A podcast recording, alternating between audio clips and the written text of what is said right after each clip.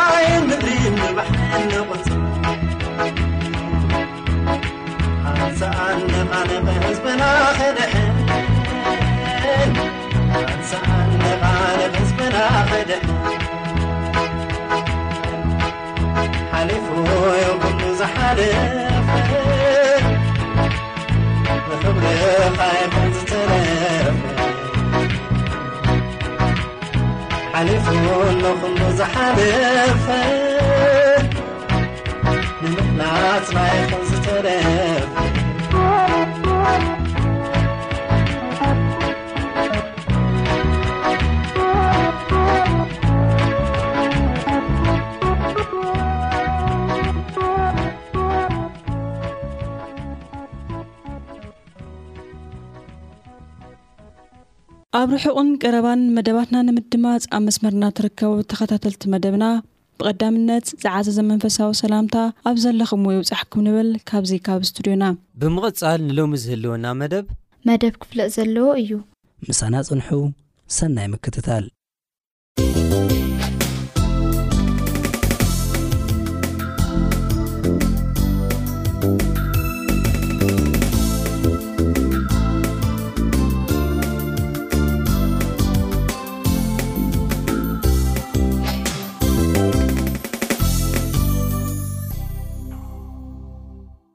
ሰላም ከመይ ቀኒኹም ክብራት ተኸታተልቲ መደባትና እዚ መደብ እዚ ኩሉ ግዜ ከም ነቕርበልኩም መደብ ክፍለጥ ደለዎ እዩ ብኣርካስ ሕጂ ዕዱም ጋሻና ኮይኖም ዝቐረቡ መምህር ኣሰፋው በርሀ እዩ። ቅድሚ ናብቲ መደብ ምእታውና ከኣና ሓቢርና ክንጽሊ ኢና ንጸሊ። ነመስግነካ ሕያዋይ ርሆንካ ርህሩህ ጓሳ ስለ ዘለኻና ስለቲ ዝተዋሃበና ዕድል ከኣኒ በቲ ሓድ ወድኻ ዘበለ ኩሉ ነመስግነካ። በኣርከስ ሕጂ ብንመሃር መንፈስ ቅዱስ ልኢኽካ ክተምህረና እዚ መኣዲ እዚ ክትባርኾ ንዝሰምዑ ወገናት ከኣኒ ህይወት ምስ ትርፉ ክኾነሎም ከኣ ንምሕጸነካ ኣይትፍለየና ብሓድ ወድኻ ብመድሓኒናን ብሽም የሱስ ኣሜን። እምበኣርከስ ከምቲ ድበልኩኹም እዚ መደብና መደብ ክፍለጥ ደለዎ እዩ ሎማዓንቲ ከም ሓደ ሓሳብ መሰረታዊ ዝኾኑ መልሲ ክበሃዎም ዘልዮም ኢልና ዘልዐልናዮም ነጥብታት ሓደ ብዛዕባ ጸበል እዩ ጸበል እንታይ ማለት እዩ መምህር ኣስፋው በርሀ ብመጽሓፍ ቅዱሳዊ ዝኾነ መብራህርህ እንዳተሓውሱ እዚ ብዙሓት ሰባት ጥያቄ ዝፈጠረሎም ስለልኾነ ዝመልሲ ዝንክትውና መድረኽ ናኹም ንዕ እሺ ይቀኒለይ ማለት ነዚ ቃል ቃል ብቃሉ ንምትርጓም ኣይክፍትንን እየ ከምኡ ኣድላይ እውን ስለ ዘይኮነ ግን ኣብዚ ሃገርና ብብዝሒ ከም ዝፍለጥ ፀበል ዝብል ክል ትርጉም ኣለዎ እቲ ሓደ ሰባት ቅልል ዝበለ ድግስ ደጊሶም ንጎረባብቲ ፀዊዖም ከብልዕዎ ከለዉ ወይ ስዋን ቆሎን ግዛዕ ክኾን ይኽእል ኣብ እንዳ እከለ እከለ ፀበል ተፀዊዑ ዝብል ነገር ኣሎ እቲ ካልኣይ ከዓ ፀበል ክበሃል ከሎ ከዓ ኣብ ሓደ ሓደ ቦታታት ገዳማት ወይ ኣብ ቤተ ክርስቲያን ሰባት ብፍላይ ምስ ማይ ተተሓሓዘ ንምድሓን ኢሎም ዝገብርዎ ናይ እምነት ነገር እዩ ብሓቂ ክንርኢ ከለና ጸበል ዝበሃል ነገር ንሰብ ከድሕኖ ይኽእል ድዩ እንተልና ብዙሕ ግዜ ሕማም ክበሃል ከሎ ዝተፈላለየ መበገሲ ኣለዎ እቲ ኣብ ኩሉ ክረኣ ዝኽእል ግን እዚ ኣእምሮኣዊ ሕማም ዝበሃል ኣሎ። ሰባት ብስምዒት ከም ዝሓመሙ ኮይኑ ይስምዖም። እቲ ሕማም ዘምጽእ ተሃዋሲ ወይ ካልእ ፍጡር ኣብ ሰውነቶም ኣትዩ ንሰውነቶም ጎዲእዎ ዘይኮነሲ ብቲ ኣተሓሳስባኦም ከም ዝሓመሙ፣ ኢሉ ስግኣት ይሓድሮም እሞ ብኡ ደጋጊሞም ብምሕሳብ ልክዕ እቲ ምልክታት ዘንብብዎ ወይ ዝሰምዕዎ ከም ዝርኣ ኮይኑ ይስምዖም። ነዚ ስነ-ኣእምሮኣዊ ሕማም መድሃኒቱ ከኣ ስነ-ኣእምሮኣዊ ፈውሲ እዩ። ክንሪኦ ከለና እቲ ናብ መሓኪም ዝቐርብ ሕሙም ኩሉ ኣካላዊ ሕማም ዘለዎ ኣይኮነን። ስለዚ እቶም ሓካይም ነዞም መንፈሳዊ ወይ ኣእምሮኣዊ ሕማም ዘለዎም ሰባት ብኡ እዮም ዝብልዎም። ንኣብነት ሓደ ሰብ ኣነ ሓሚመ ኣለኹ መርፍእ ክሓዊ ምእንቲ መርፍእ ክውጋእ ኣለኒ ይብል። እቲ ሓኪም ግን በቲ ዝበጽሖ ምምርማር ማለት መድሃኒት ብመርፍእ ክህቦ ዝኸእል ሕማም ከም ዘይብሉ ይፈልጥ። እቲ ሰብ ግን እቲኣ እንተዘይረኺቡ ስለ ዘይዓርፍ ምንም ከይተሓወሶ እምበኣር ሕራይ ክወግኣካ'የ ኢሉ ማይ ጥራሕ ክወግኦ ይኸእል እዩ። እቲ ናይ ኣእምሮ ሕሙም ከኣ ስነ ኣእምሮኣዊ ይፍወስ ማለት እዩ። ከም ዝተፈወሰ ይስምዖ ይኸይድ ማለት እዩ። ብዛዕባ እዚ ምስ ሃይማኖት ዘተሓሓዝ ናይ ምፍዋስ ነገራት እንታይ እዩ መበገሲኡ ክንብል ንኽእል ኢና። እዚ ሓድሽ ነገር ኣይኮነን። ንኣብነት ኣብ ናይ ደቂ እስራኤል ታሪኽ ክንርኢ ከለና ኣብቲ ምድረ በዳ እቶም ህዝቢ እስራኤል ስለ ዘዕዘምዘሙ እግዚኣብሄር ዝናኸሱ ኣትማን ሰዲዱሎም። ብዙሓት ብዞም ኣትማን ተነኺሶም ሞይቶም። ደሓር እቶም ተረፉ ንሙሴ፣ በጃኻ እግዚኣብሄር ካብዞም ኣትማን ከድሕነናስ ጸልየልና ኢሎሞ። ጽቡቕ ኢሉ፣ ስለዚ እግዚኣብሄር መድሓኒት ኣዳልዩሎም። ንሙሴ ካብ ኣስራዚ ማዕድን ተመን ስራሕ፣ ነቲ ተመን ኣብ ባላ ወይ ኣብ ዕንጨቲ ስቐሎ፣ ስለዚ ናብኡ ዝጥምት ዘበለ ኩሉ ብመርዚ ተመን እተነኽሰ ክሓዊ እዩ ኢልዎ። ሙሴ ከምቲ እግዚኣብሄር ዝገበሮ ሰሪሑ። ነቶም ህዝቢ ኸኣ ነጊርዎም፣ እቶም ህዝቢ ኸኣ ናብዚ ናይ ተመን ኣስራዚ እናጠመቱ ይሓውዩ ነይሮም። ኣብዚ እንታይ እዩ እቲ ዘሕወዮም ዝብል ክንርኢ ኣለና። እቲ ሕማሞም ስነ-ኣእምራውን ኣይኮነን፣ ርጉጽ ሕማም እዩ። ተመን ነኺስዎም እዩ፣ ተመን ስለ ዝነኸሶም ከኣ ኣብ ሰውነቶም መርዚ ተነዚሑ ኣሎ። እዚ መርዚ እዚ ኸኣ ብግዜኡ ኣብ ልቢ ወይ ኣብ ኣእምሮ እንተ በጺሑ ነቲ ስርዓተ ዑደት ደም ወይ ነቲ ስርዓተ ነርቭ ኣብኡ ኣብ ዝበጽሐሉ ኣብ ዘጥቅዓሉ ግዜ እቲ ሰብ ይመውት። እቲ ሰብ ግን ኣብ ከምዚ ዝኸሎ ኩነታት ናብቲ ሙሴ ዝሰርሖ ናይ ኣስራዚ ተመን እንተ ጠሚቱ ይሓዊ ነይሩ። ስለዚ እቶም ጠመቱ ኩሎም ሓውዮም። ሐዚ ኣብዚ እንታይ ኢና ክንርኢ ንኽእል? እቲ እተሰርሐ ናይ ኣስራዚ ተመንን እቲ ዝነኸሶም ተመንን እንታይ ርክብ ኣለዎም? ብሓቂ ክንርኢ ከለና እቲ ተመን ሕንዚ ናብ ሰውነቶም ነዚሑ እዩ። እዚ ኣብ ሰውነቶም ዘሎ ሕንዚ ከኣ ብእምነት ናብቲ ሙሴ ዝሰርሖ ናይ ኣስራዚ ምንም መርዚ ዘይብሉ ተመን እንተ ረኣዩ ይሓውዩ ነይሮም። እንታይ እዩ እዚ እቲ ምትእስሳሩ? ኢልና ክንሓትት ንኽእል ኢና። ብዝኾነ እቲ ነዚኦም ሰባት እዚኦም ዘድሓኖም ቀንዲ ነገር እንታይ እንተልና እምነትን ምእዛዝን እዩ። ሙሴ ተመን ተነኺሱኩም ናብዚ ናይ እስራኤል ተመን ጠምቱ ኢልዎም። ንሳቶም ከዓ ነቲ ቃል ሙሴ ኣሚኖም ተመን ክነኽሶም ከሎ ናብታ እስራኤል ይጥምቱ እሞ ይሓውዩ ነይሮም። ቀሊል ነገር እቲ ምጥማት ናብቲ ናይ ኣስራዚ ተመን ነቲ ኣብ ውሽጦም ዝነበረ መርዚ የንኩኖ እሞ ኣይጎድኦምን። ኣብዚ እቲ ክንሪኦ እንኽእል ነገር እንታይ እዩ? ናይ እምነት ነገር እዩ። እዞም ሰባት እዚኦም ብእምነት ነቲ ሙሴ ዝበሎም ቃል ወሲዶም ከምኡ ገይሮም ይሓውዩ ነይሮም። እቲ ዘገርም ነገር እዞም ደቂ እስራኤል ነዚ ሙሴ ዝሰርሖ ናይ ተመን ኣስራዝን ነቲ ዕንጨትን ምስኦም ተሰኪሞሞ ይዘሩ ነይሮም ክሳዕ ኣብቲ ዝበፅሕዎ ምድሪ ተስፋ በፂሖም ኣብኡ ክሳዕ ዘጣየሱ ነዚ ተመን ነዚ ናይ ኣስራዚ ተመን ምስ ዕንጨቱ ተሰኪሞሞ ይኸዱ ነይሮም። ኣብ መጠረስታ እውን ኣብ በሪኽ ቦታ ኣውሪዶም ክሳዕ ዘመን ንጉስ ህዝቅያስ ኣይዓጥኑሉን ነይሮም። ኣብዚ ክንሪኦ እንኽእል ነዞም ሰባት እዚኦም ዘድሓኖም እቲ ናይ ኣስራዚ ተመን ኣይኮነን። ኣስራዚ እዩ ብዓንዲ እዩ ኣብኡ ተሰሪሑ ኣሎ ኮፍ ኢሉ። ስለዚ እዞም ሰባት እዚኦም እንተዝቕበልዎ ነይሮም ነቲ ትእዛዝ ስለ ብእምነት ተቐበልዎ እዮም ዝድሕኑ ነይሮም። ግን ከምኡ ኣይወሰድዎን። ነቲ እምነቶም ኣብቲ ውዱዕ ዝርእይዎ ነገር ገይሮም ነዚ ኸኣ ሒዞም ኣኽቢሮም ይኸዱ ነይሮም። ደሓር ህዝቅኤል ናይ ሃይማኖት ተሓድሶ ክገብር ከሎ ምስቶም ካልኦት ኣብቲ ሃገረ እስራኤል ኣትዮም ዝነበሩ ጣዖታት ነዚ ጣዖት ኣጥፊእዎ። ኣብዚ ክርስቶስ ብዛዕባ እዚ ሙሴ ዝሰርሖ ጣዖት ክብል ከሎ ኣብ ወንጌል ዮሃንስ ምዕራፍ 14 ፍቕዲ 12 ምስ ጢሞቴዎስ 3 ምዕራፍ 12 ምስ ጢሞቴዎስ ክዛረብ ከሎ እንታይ ኢልዎ? ከምቲ ሙሴ ኣብ በረኻ ተመን ዝሰቐለ፣ ወዲ ሰብ ከኣ ከምኡ ክስቀል ይግብኦ እዩ። ኣብዚ እንታይ ምምስሳል እዩ ዘሎ? ኣብዚ እውን ሕዚ ክንሪኦ እንኽእል እምነት እዩ። ክርስቶስ ኣብ ክንዲ ኩሉ ሓጢኣተኛ ሞይቱ፣ ነቲ ዕዳ ኣብቲ መስቀል ከፊልዎ።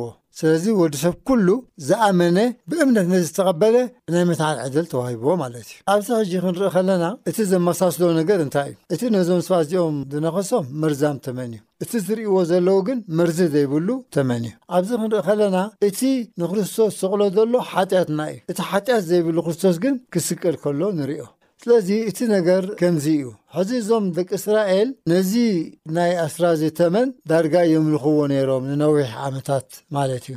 እቲ ጊዜኡ ምስ በጽሐ ግን ኣብቲ እዋን ተሓድሶ ካብቲ ዝነበሮ ቦታ ኣግሊሱ ከከምቲ ኣሽሙ ኣቐሚጥዎ ማለት እዩ። ሕዚ ኣብዚ ክንርኢ ንኽእል እንታይ እዩ ወዲ ሰብ ብዙሕ ጊዜ ኣብቲ ተሸገረሉ ጊዜ ይኣምን እዩ እምነት ይገብር እሞ ምስ ተገበረሉ ግን ሽዑን ሽዑን ይርሳዕ። ክርስቶስ እውን ኣብዚ ምድሪ ከሎ ንኣብነት ቅድሚ ናብ ክርስቶስ ምምጻእና ኣብ ኦሪት ከም እንሪኦ እውን ዝሓለፈ እዋን ኣብ ናይ ሰንበት ትምህርቲ ርኢና ነርና ናይ ንእማን ታሪኽ ኣሎ ንእማን ካብ ኣህዛብ እዩ ካብ ወገን እስራኤል ኣማኒ ኣይኮነን በታ ኣብ ቤቱ ተማሪኻ ከይዳ እተገልግል ዝነበረት ንእሽቶ ጓል ኣንሰይቲ ግን ናይ ወንጌል ምስክርነት ረኺቡ ጎይታይሲ ኣብ ቅድሚቲ እስራኤል ዘሎ ነብዪ ወይ ኣብ ይሁዳ ዘሎ ነብዪ እንተ ዝኸይሲ ካብ ለምጹ ምሓወየ ነይሩ ኢላ።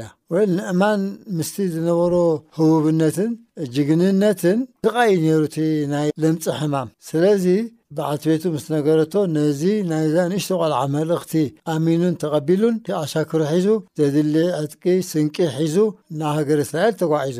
ኣብኡ ምስ ከደ ናብ ናእማን ናብ ኤልሳእ እቲ ነቢይ ምስ መጸ ኤልሳእ ተቐቢልዎ ተኣናጊድዎ ግን ሓለቓ ሰራዊት ስለ ዝኾነ ሹመኛ ስለ ዝኾነ ፍሉይ ካልእ ነገር ኣይገበረን እቲ ሽግሩ ምስ ነገሮ በል ኪድ እሞ ኣብ ርባ ዮርዳኖስ ሸውዓተ ግዜ ተሓጸብ ኢልዎ እዚ ለምጻም ኣብቲ ማይ ኣትዩ ምስ ወጸ ምስ ተሓልየ ሸውዓተ ግዜ ድሕሪ ሸውዓተ ግዜ ፍጹም ተለዊጡ ኩሉ እቲ ሕማሙ ጠፊኡ ሕዚ እዚ ነዚ ንእማን ዘድሓኖ እንታይ እዩ? እቲ ጸበል እቲ ማይ ድዩ? ኣይፋሉ መጽሓፍ ቅዱስ ከም ኣይብለናን እዩ። ነዚ ንእማን ዘድሓኖ እምነት እዩ። እሱ ተጠራጢሩ ነይሩ፣ እቶም ምስኡ ዝነበሩ ዓሻክር ግን ዋ ቀሊል ነገር እኮ እዩ ዝነገረካ፣ ካልእ ተዝብለካ እውን ምገበርካ፣ ስለዚ ኪድ ናብ ማይ ተሓጸብ ኢሉካ እንታይ ሽግር ኣለዎ? ስለዚ ናይቲ ነብዪ መምርሕን ናይዞም ምስኡ ዝነበሩ ሰባትን እምነት ተቐቢሉ ኣብቲ ማይ ሸውዓተ ሳዕ ጥሒሉ ፍጹም ሓውዩ። ስለዚ እንታይ እዩ እዚ ንናእማን ዘሕወዮስ እንታይ እዩ እቲ ማይ ድዩ ከምቲ ንሱ ዝበሎ ብዙሕ ሓትዋ ሓይዝ ካብቲ ናይ ዮርዳኖስ ዝሓሸ ፅሬትን ብዝሕን ዘለዎም ሩባታቱን ኣብቲ ዓዲ ክህሉ ይኽእሉ እዮም ግን ኣብዛ ቦታ እዚኣ ብፍላይ ዘድሓኖ እቲ ኣብ እግዚኣብሄር ዝነበሮ እምነት እዩ ክድሕን ኢየ ኢሉ ካብ ዓዱ መጺኡ፣ እቲ ነብዪ መምርሒ ሂብዎ፣ ነቲ መምርሒ ተቐቢሉ ከኣ ኣብቲ ናይ ምድሓን ቦታ ምስ ከደ ተፈዊሱ፣ ድሒኑ ማለት እዩ። ስለዚ ኣብዚ ክንሪኦ እንኽእል ደሓር ኣብ መእምሮ እቲ ናእማን እቲ ሕሙም ሰብ እባ እዚ ቦታ እዚ ፍሉይ እግዚኣብሄር ፍሉይ ኣምላኽ ስለ ዘለዎ ኩሉ ነገሩ ፍሉይ እዩ ኣብ ዝብል መደምድምታ መጺኡ። ስለዚ ካብቲ ዓዲ ሓመድ ሒዙ ክልተ ጽዕነት በቕሊ ሓመድ ሒዙ ክኸይድ ሓቲትዎ ኤልሳ ምን ለውጢ ከም ዘይገብረሉ እዚ ሓመድ ይፈልጥ እዩ ግን ውሰድ ኢልዎ ምኽንያቱ ብኣእምርኡ ክረጋጋእ ስለ ዘለዎ ማለት እዩ ደሓረይ እውን ካልእ ሕቶ ሓቲቱ ብኣወንታ መሊስሉ ሐዚ እቲ ንእማን ካብዚ ሒዝዎ ክኸይድ ዝደለ ነገር እንታይ እዩ ኣብ እስራኤል ዘሎ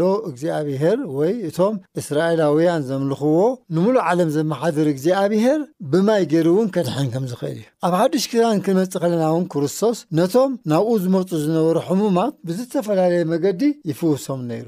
ንገሊኦም ምራቑ ኣብ መሬት ጡፍ ኢሉ ጭቃ ሰሪሑ ይፍውሶም ነይሩ፣ ንቐሊኡ ብቓሉ ኣብኡ ከሎ ይፍውሶም ነይሩ፣ ንገሊኦም ብምትንካፍ ይፍውሶም ነይሩ ብዝተፈላለየ መገዲ። እቲ መገዲ ክፈላለ ንሪኦ ኣለና ኣብዚ። እቲ ነዞም ሰባት እዚኦም ዘድሕኖም ዝነበረ ዝፍውሶም ዝነበረ ነገር ግን እንታይ እዩ? ነቲ ጭቃ ሰሪሑ ዝለኸዮ፣ ነቲ ብቃሉ ዝነገሮ፣ ነቲ ኩሎም ዝፈወሶም እንታይ እዩ? እቲ ሓደ ክርስቶስ እዩ። እንታይ እዩ እቲ መድሃኒቶም? እወ ክርስቶስ ነዞም ሰባት እዚኦም ኣብቲ ዘለውዎ ናይ ማሕበረሰብ ደረጃ በጺሑ እዩ ኣድሒንዎም። እቲ ዘድሕን ክርስቶስ እዩ ግን ብዝተፈላለየ መገዲ የድሕን ነይሩ ስለዚ ክርስቶስ ነዞም ሰባት እዚኦም ስለ ዘድሓኖም ነቲ ዘድሓነሎም መገባበርያ ድዮም ከምልኹ ዘለዎም ነቲ ዘድሓኖም ኣምላኽ ኣብዚ ኢና ክንሪኦ ንኽእል ዲያብሎስ ብናይ ዓርሱ ዝኾነ ሓድሽ ነገር ከምጽእ ኣይክእልን እዩ ነቲ ኣብ መጽሓፍ ቅዱስ ዘሎ ብዝተፈላለየ መገዲ ንሰባት ተኸስተ ሓቅታት ንዕኡ ኣልዒሉ ብምጥማም እዩ እቲ ናቱ ትምህርቲ ዘምጽእ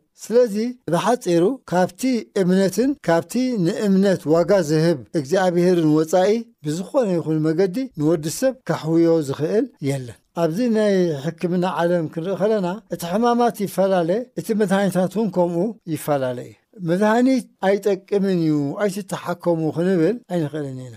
እቶም ሓካይም ከማይን ከማኻትኩምን ሰብ እዮም ተማሂሮም ሰልጢኖም እዮም ነቲ ሞያ በጺሖሞ በቲ ተማህርዎ ሞያ መሰረት ናይቲ ሕሙም ሓበሬታ ወሲዶም መድሓኒት ንኽልቲኡ ኣጻርዮም ማለት እዩ መድሓኒት ይእዝዝሉ ነይሮም ስለዚ ኣብዚ ክንሪኦ ንኽእል እንታይ እዩ እዚ ዘመናዊ ሕክምና ንሕማም ክፍውስ ይኽእል ዶ ኢልና እንተሓቲትና እወ እቲ ዝሓመመ ብዛዕባ ሕማሙ ዝገልጽን እቲ ክሕክሞ ዝሰምዖን ሰባት ክልቲኦም ክቕበልዎ ዝግብኦም ነገር ኣሎ፣ እምነት እግዚኣብሄር ከም ዝሐዊ እዩ። ስለዚ እዚ ድምር ኣቢልና ክንሪኦ ከለና ሰብ ብእግዚኣብሄር ተፈጢሩ ሓጢኣት ምስ ገበረ ካብ እግዚኣብሄር ርሒቑ፣ ተነሲሑ ምስ ተመልሰ ኸኣ እግዚኣብሄር ይቕረ ኢሉ ከም ዘይበደለ ከም ሓድሽ ሰብ ይቖጽሮ። ሓድሽ ሰብ ይኸውን፣ ውሉድ እግዚኣብሄር ይኸውን፣ ብሓድሽ ህይወት ከኣ ክመላለስ ይብገስ ማለት እዩ። እወ፣ ሰብ እዚ ሕዚ እግዚኣብሄር ምስ ኣሕወዮ ንእግዚኣብሄር ናይ ምኽታልን ብጽቡቕ ናይ ምኻድን ወይ ኣብቲ ዝነበሮ ናብራ ናይ ምምላስን ምሉእ መሰል ኣለዎ።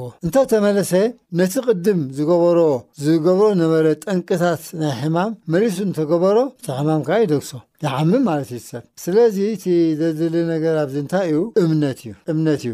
እቲ እግዚኣብሄር ከም ዝሕዊ ኣሚንና ኣብ እግዚኣብሄር ክንመጽእ ንኽእል። እወ፣ ኣብ ማይ ጸሎት ኬድካ ማይ ምሕጻብ ምንም ነውሪ የብሉን። እቲ ከድሕን ዝኽእል ግን እቲ ማይ እቲ ቦታ ባዕሉ ዘይኮነስ እግዚኣብሄር እዩ። እግዚኣብሄር ንልቢ እዩ ዝርኢ። ስለዚ ናይቲ ሰብ ድሌትን ልብን ኣንቢቡ እግዚኣብሄር ከም ፍቓዱ ክሕልዎ ክእል እዩ። ኣብ ማይ ጸሎት ተሓጺቡ ክፍወስ ዝኽእል ሰብ ኣሎ ዶ? ኣሎ እወ። መን እዩ ዝፍቶ ዘሎ? እምነትን እቲ ንእምነት ዋጋ ዝህብ እግዚኣብሄርን እዩ ዝፍውሶ ዘሎ። ስለዚ ብዛዕባ እዚ ጸበል ኣብ እተፈላለየ ቦታ ሰባት ከም ናይ መነባብሮ ኣካል ክገብርዎ ንርኢ ኢና። ሓደ ሰብ ኣብ ሓንቲ ቦታ ትፈውስ ኣይትፈውስ ሰብ ትፍውስ እያ ኢሉ ብምስባኽ ኣብኡ ካብ ዝመፁ ሰባት መባእን ካልእ ተወሳኺ ነገራትን ክረክብ ይኽእል እዩ። እቲ ንሪኦ ነገር ኣብዚ እንታይ እዩ? ኩሎም ከይሓውዩ ይኽእሉ እዮም። እቶም ዝሓውዩ ውሑዳት እዮም፣ ሓደ ክልተ እዮም። እዚኦም ከኣ ነቲ ዝነበርዎ መርገጺ፣ ነቲ ሓቀኛ እምነት፣ ዲያብሎስ ብብዙሕ መልክዕ ብዝተፈላለየ ዓይነት እዩ ዝግለጽ።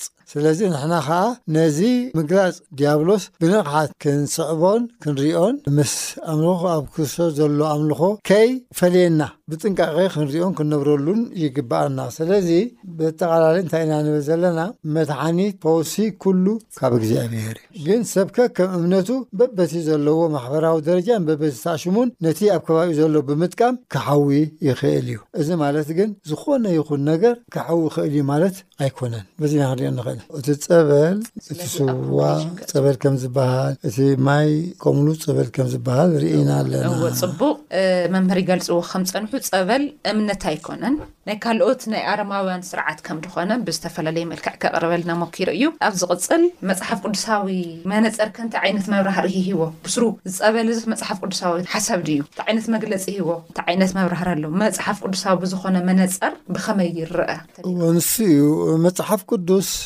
እቲ መፅሓፍ ቅዱስ ዝህቦ ትምህርትን መብርህን ብሩህ እዩ ንዝኾነ ይኹን ነገር ካብ ዝኾነ ይኹን ሕማቕ ነገር ከድሕና ዝኽእል እግዚኣብሄር እዩ ኣብዚ ከዓ ኣብቲ ናይ እግዚኣብሄር ናይ መድሓን ድሌትን ተበግሶን ናህና እምነት ኣገዳሲ እዩ ብእምነት እዩ ክንድሕን እንኽእል እምበሪ ዝኾነ ካልእ እንገብሮ ነገር ከድሕነና የለን። ስለዚ ኣብ መጽሓፍ ቅዱስ ክርስቶስ ነቶም ናብኡ ዝመጹ ዝነበሩ ሰባት ብዝተፈላለየ መገዲ ይፍውሶም የድሕኖም ነይሩ እዩ። ንዕውራት፣ ንጸማማት፣ ንለምጻማት፣ ንዝኾነ ካልእ ኣካለ ስንኩላን፣ ንዝኾነ ካልእ ሕማም ዝነበሮም ክርስቶስ ይፍውሶም ነይሩ እዩ። ስለዚ ኣብዚኣ ኩላ ነዚኤን ኩለን ክትኣስረን እትኽእል ቅጥኒ እንሪኣ እንታይ እያ? እምነት እያ። ክርስቶስ ብእምነት ናይቶም ሰባት ድሌትን እምነትን ርእዩ ዝፍውሶም ነይሩ። ስለዚ ኣብ መጽሓፍ ቅዱስ ብዘይካ እምነት ኣብ እግዚኣብሄር ካልእ እምነትና ከነንብረሉ ከሕውየና ክንጽበዮ እንኽእል ነገር ክህሉ ኣይክእልን እዩ። የለን ማለት እዩ። ሰብ ንሰብ ክምኽሮ ይኽእል፣ ሰብ ንሰብ ከሕውዮ ግን ኣይክእልን እዩ።